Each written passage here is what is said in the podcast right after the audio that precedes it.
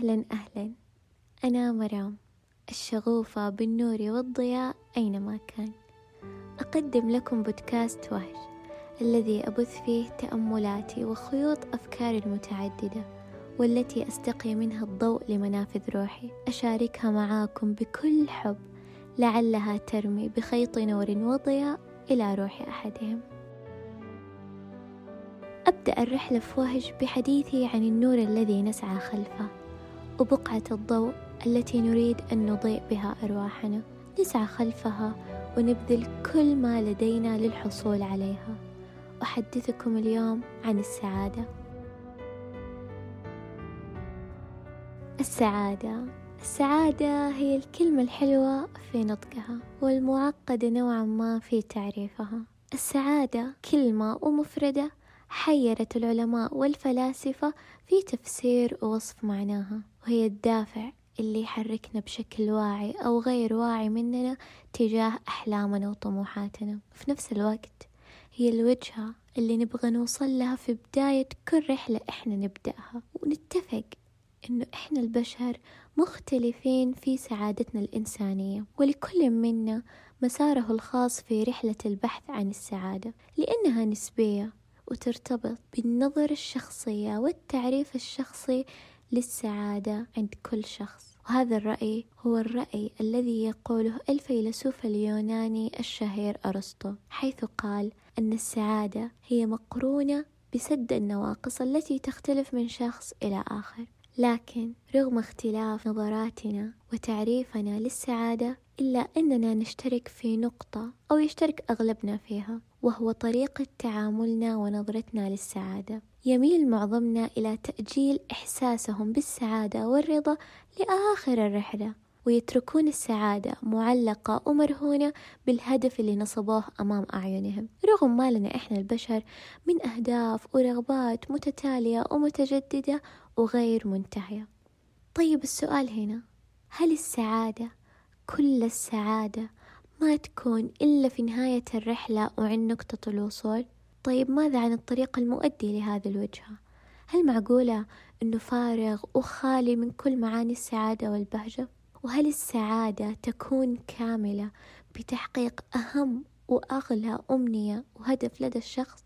طيب ماذا عن تعدد أهدافنا وأمنياتنا نحن البشر؟ هذا يعني إننا إذا حققنا هدف رح تبقى دائرة السعادة غير مكتملة ما رح تكتمل إلا بتحقق الأهداف التي تليها. وإحنا بطبيعتنا البشر أهدافنا متتالية وغير منتهية والنتيجة لهذا كله إننا رح نظل نجري في دائرة مفرغة بحثا عن السعادة.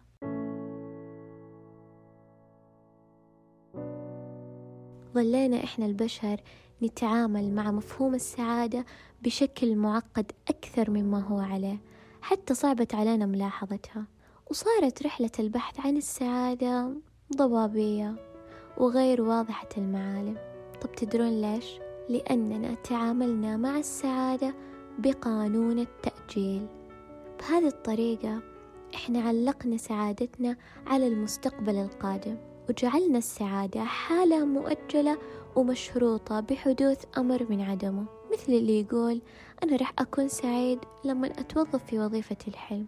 أو آخر يقول أنا رح أكون سعيد لما أحصل على درجة الدكتوراه مثلا. وشخص يقول أنا رح أكون سعيد لما أحقق أهدافي الخاصة. وا وا وا وا القائمة طول بالأهداف والأمنيات الغير منتهية. يقول ماكسويل مالز وهو جراح تجميل أمريكي ومؤلف لعدة كتب في مجال علم النفس.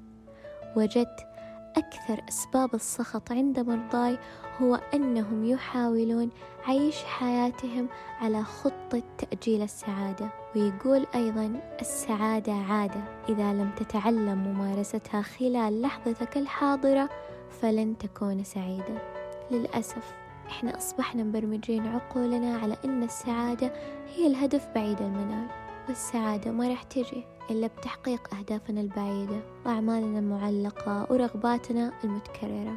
ما راح نكون سعيدين إلا بما هو أكبر وأضخم وأكثر. ربطنا سعادتنا وحصرناها في قوالب ضيقة جدا لأننا نجري ونفتش عن خيوط السعادة في الناقص من أيامنا. هل فكرنا في يوم أن طريقتنا هي الخاطئة بدلا من الركض والتفتيش والجري وراء السعادة؟ ليش ما نجرب ملاحظتها واستشعارها بالموجود والمتوفر في أيامنا؟ يقول أبراهام لينكولن لقد وجدت أن نصيب الإنسان من السعادة يتوقف غالبا على رغبته الصادقة في أن يكون سعيدا. حتى نطبق هذا المبدأ علينا إتقان مهارة استشعار السعادة وملاحظتها. هذه المهارة هي اللي تغمض عيوننا عن المكدرات اللي تعكر صفو أيامنا. وتجعلنا نتقن فن صنع سعادة كبيرة من لحظات وأحداث بسيطة.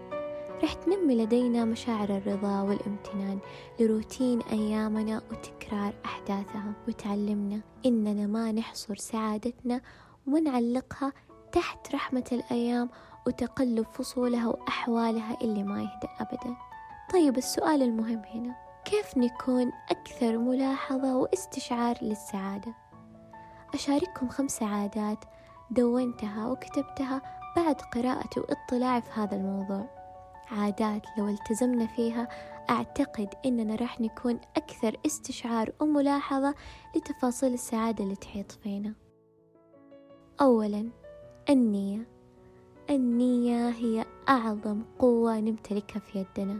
لو في بداية كل يوم عقدنا نية إسعاد ذاتنا إحنا راح نكون بخير. وبهذه النية إحنا ما نعلق سعادتنا وبهجتنا بوجود شخص أو بامتلاك أمر. سعادتي هي مسؤوليتي أنا بالدرجة الأولى. ثانيا الامتنان. مارس الامتنان يوميا لكل ما تملكه. السعادة موجودة في أصغر الأمور اللي فقدنا الإحساس فيها بسبب الاعتياد. أصبحنا نتفاعل معاها بشكل أوتوماتيكي لأننا ما نجدد شعور الامتنان فيها.